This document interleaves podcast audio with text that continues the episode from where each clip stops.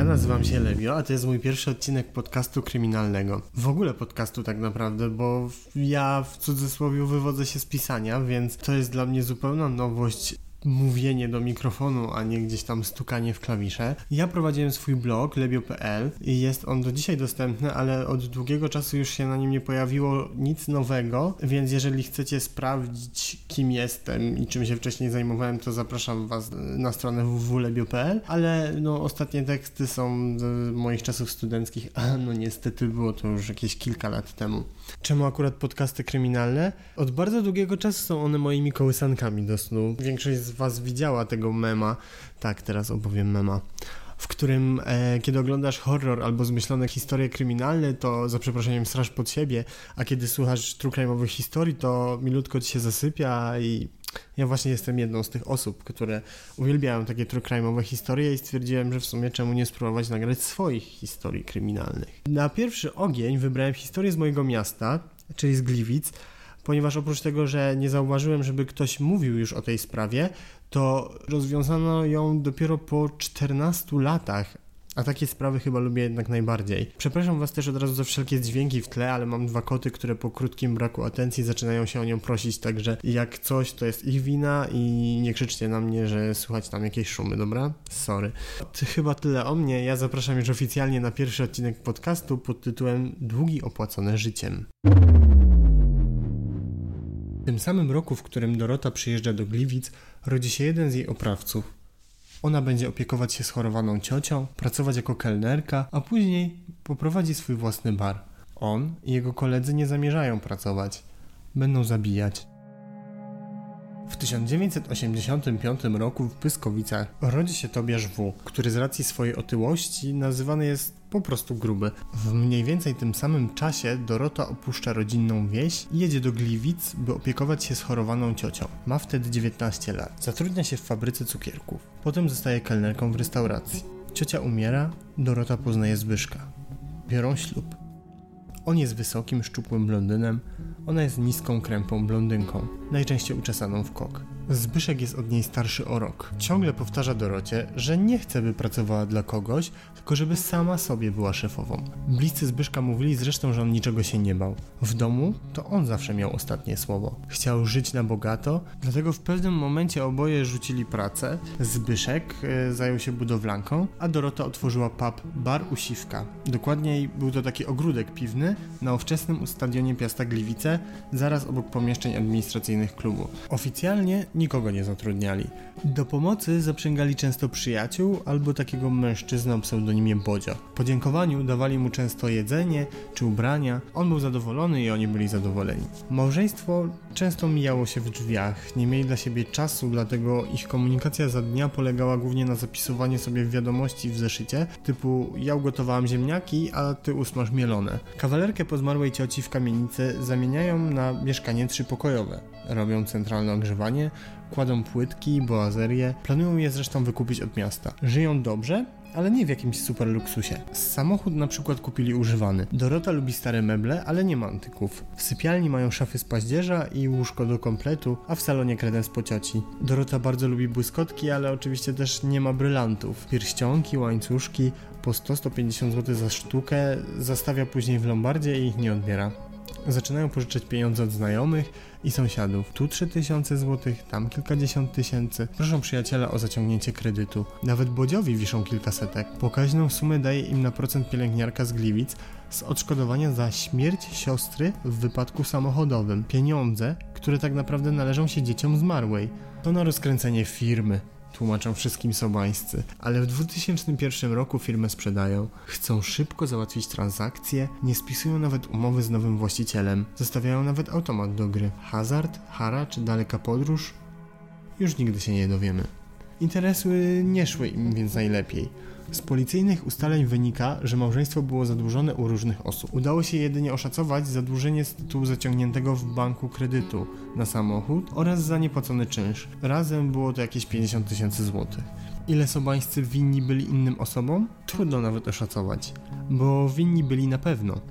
Z relacji sąsiadów wynika zresztą, że ich mieszkanie odwiedzało bardzo wiele osób, a pogróżki pod ich adresem były ogólnie znane. Ogródek piwny Sobańskich był czynny od rana do późnych godzin nocnych. Musiał więc przynosić dochody. Pani Janinie sąsiadce rodziny Sobańskich trudno określić, czy rodzina miała problemy, czy nie, bo według niej nie wyglądali na biednych, ale też nie mówili o swojej sytuacji finansowej. Kobieta przypomniała sobie jednak, jak państwo sobańscy kupili nowego Opla Omega na kredyt z banku. Tak jej przynajmniej opowiadali i chwalili się, że mają taki super samochód. Potem się okazało, że przestali opłacać czynsz za mieszkanie w kamienicy i chcieli je nawet sprzedać. Na mieszkanie Sobańskich byli nawet jacyś dwaj kupcy, ale nie wiadomo, czy w końcu je sprzedali. Raz ktoś przyszedł do baru Doroty i zaproponował jej ochronę. Dorota powiedziała, że jej nie potrzebuje. Dopiero zaczynała w tej branży nie wiedziała o co chodzi. To był mały bar na cztery stoliki. Przyszli jeszcze raz i wszystko rozwalili. Jeszcze po południu 13 września 2001 roku sobańscy byli widziani pod domem. Kręcili się koło swojego samochodu. Pakowali do niego towar, który potem przewieźli kilkaset metrów dalej do ogródka piwnego na stadionie. Tego samego dnia po raz ostatni widziano ich w ogródku piwnym koło 21. Potem ślad po małżeństwie urywa się. Kilka razy siostra Doroty Sobańskiej przychodziła na ulicę Okrzej pod kamienicę. Wydzwaniała, pukała, ale nikt nie otwierał. Najpierw myślała, że gdzieś wyjechali w interesach i nic jej o tym nie powiedzieli. Dziwiła się nawet trochę, gdyż zawsze pozostawali w bliskich kontaktach. Czekała więc, aż się odezwał. Nic takiego jednak nie nastąpiło. Trzy dni później, 16 września 2001 roku, przy ulicy Żabińskiego w Gliwicach, policja znajduje porzuconego granatowego Opla Omega, a w nim kanister, cztery kominiarki, łopaty, starą odzież roboczą, grube sznury, taśmy klejące jakieś worki. Tablice rejestracyjne były prawdziwe. Policja sprawdziła właściciela. W ten sposób trafiono pod adres Sobańskich na ulicę Okrzej, ale nikt nie otwierał. 26 września 2001 roku siostra pani Doroty zgłosiła na policję zawiadomienie o zaginięciu Sobańskich. Policjanci wraz ze strażą weszli do mieszkania zaginionych przez okno. W łazience znaleźli nieżywego psa owczarka. Stwierdzono, że pozbawiono go życia 13 września, czyli w dzień zaginięcia. W mieszkaniu nie było dwóch telewizorów, magnetowidu oraz tuneru Wizja TV. Mieszkanie nie było splądrowane. W sypialni leżała na łóżku torebka, w której znaleziono m.in. 250 zł oraz komplet kluczyków samochodowych. Nie było natomiast żadnych dokumentów zaginionego małżeństwa, ani dowodu rejestracyjnego samochodu. Na stole leżała kartka, na której było napisane Pojechałam do, tutaj nazwa miejscowości, z podpisem Dorota. Siostra Doroty Sobańskiej wspomniała policjantom też o kłopotach finansowych małżeństwa. Mieli pożyczać pieniądze od różnych ludzi i nie byli w stanie spłacić tych zaległości, które stale narastały. Z różnych relacji wynikało, że Sobańscy mieli ponad nawet 90 tysięcy złotych zaciągniętego długu. Zwolna zaciskała się więc wokół nich pętla i wtedy zniknęli. Bez śladu. Ich samochód został oddany kredytodawcy, czyli bankowi. Policja przyjmowała różne wersje, od zabójstw po ucieczkę małżeństwa za granicę. Przez następnych parę lat sprawa nie drgnęła z miejsca, a Sobańskich traktowano jako zaginionych. Teraz cofniemy się w czasie i na chwilę zajmiemy się inną sprawą. Potem zrozumiecie o co chodzi. W lutym 2004 roku 25-letni wówczas Roman C., 19-letni Sergiusz W. i jego młodszy brat, 17-letni Tobiasz, wraz z trzema innymi kompanami, szwendali się całymi dniami bez celu po łabędach.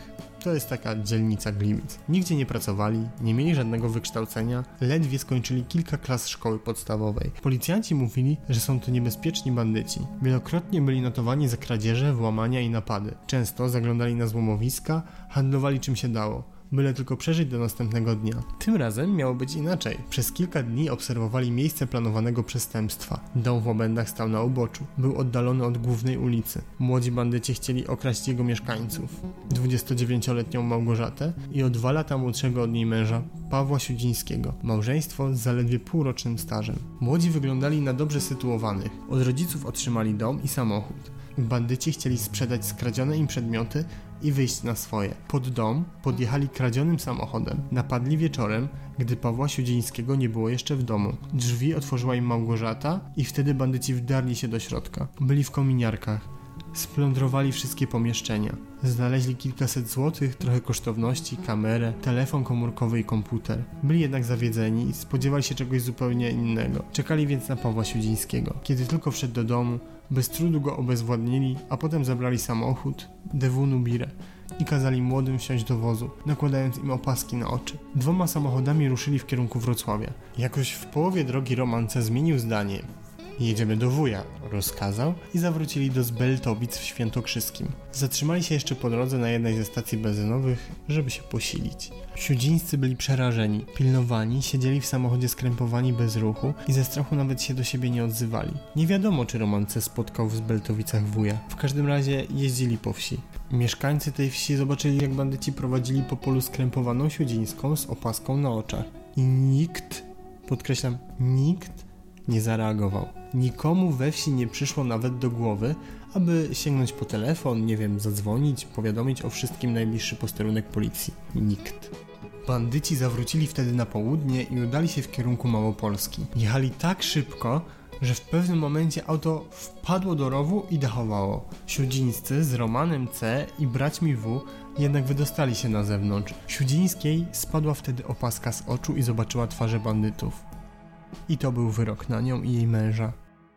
Jeszcze jechali kilka kilometrów, by skręcić w pobliski las. Wywlekli kobietę z wozu, zarzucili jej pętlę na szyję, a kiedy nie mogli udusić, podcięli siudzieńskiej gardło. Broniła się, rzęziła, ale oni bezlitośnie dobili ją jeszcze kilka razy. Tak na wszelki wypadek, aby mieć pewność, że już nie żyje. Roman C. sprawdził jeszcze siudzińskiej puls, ale już naprawdę nie żyła. Na śmierć żony musiał patrzeć jej mąż, którego bandyci wywlekli potem z samochodu na śnieg i zaczęli się nad nim znęcać.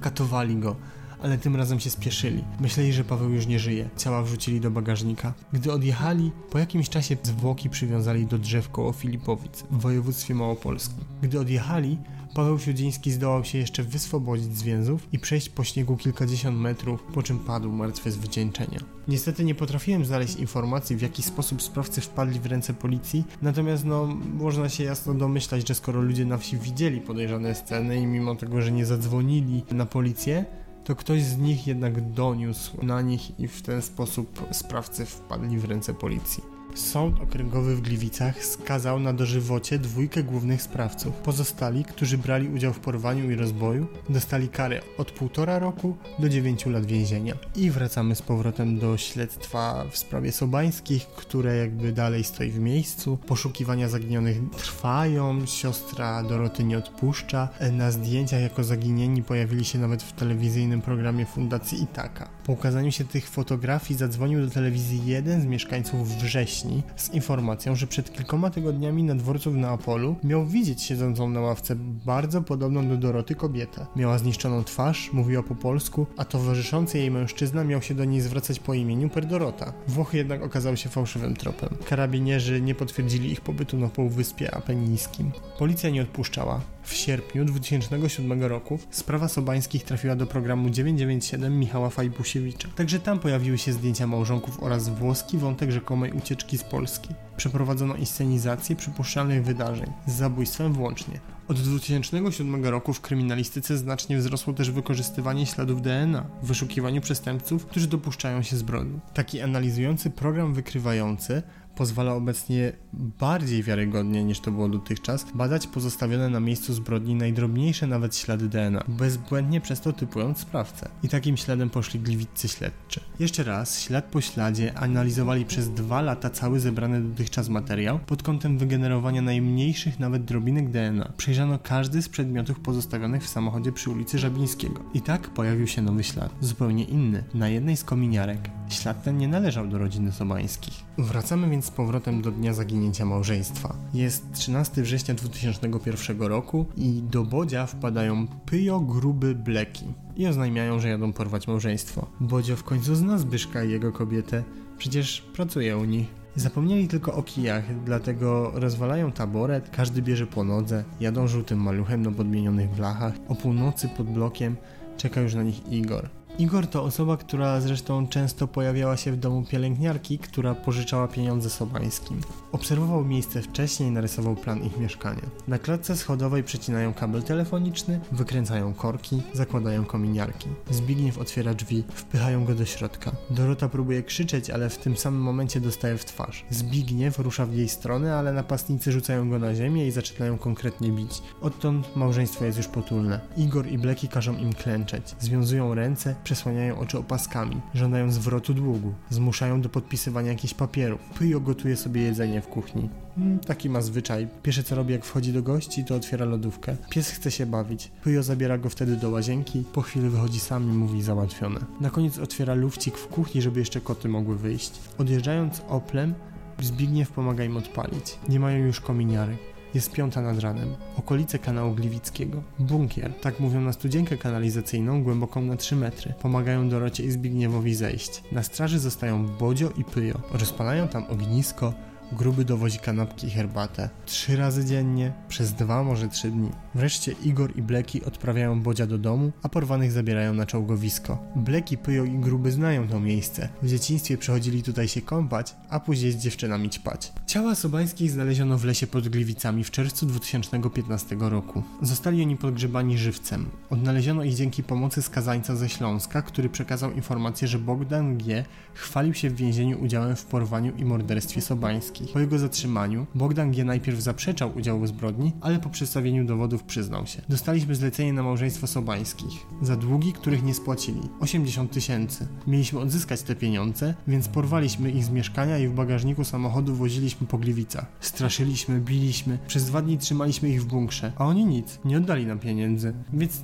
tamci wywieźli ich i zakopali w lesie. Okazało się również, że w sprawę zamieszaną są Roman C. i Sergiusz W. i to oni byli prowodyrami porwania. Nie trzeba ich było długo szukać, gdyż odsiadują dożywocie za zamordowanie małżeństwa Siudzińskich. To Bogdan G. wskazał miejsce, gdzie miano zakopać małżeństwo. W rejonie Rzeczyc za Gliwicami, w wyrobiskach piaskowych koło jeziora Dzierżno. Po 14 latach ten teren bardzo się zmienił i prokuratura najpierw nie potrafiła uściślić miejsca, w którym mogły się znajdować zwłoki sobańskich. Dokonano więc porównań starych map z najnowszymi satelitarnymi i okazało się, że obszar zbrodni może być nawet przesunięty o 50 metrów. Skorzystano również z pomocy Katedry Kryminalistyki Wydziału Prawa Uniwersytetu Wrocławskiego, która dokonała laserowego pomiaru ukształtowania terenu i dodatkowo jego porównania z mapą. Na obszarze 10 tysięcy m2 przeprowadzono aż 130 odwiertów. Potem przyjechała koparka i w końcu trafiono na szczątki. Zwłoki znajdowały się w mało już dziś uczęszczanym, zalesionym wyrobisku piaskowym, w ponadmetrowym dole, wraz ze śmieciami, gruzem i elementami betonowymi. Grób, w cudzysłowie, patrząc na niego z góry, sprawiał wrażenie betonowego sarkofagu. Wprost idealne miejsce na zbrodnie, aby ciała zamordowanych nie ujrzały więcej światła dziennego. Szkielety zwłok miały zakneblowane usta i skrępowane nogi oraz ręce. W niektórych miejscach odzież zamordowanych była zachowana w dobrym stanie. Nie było śladów po kulach,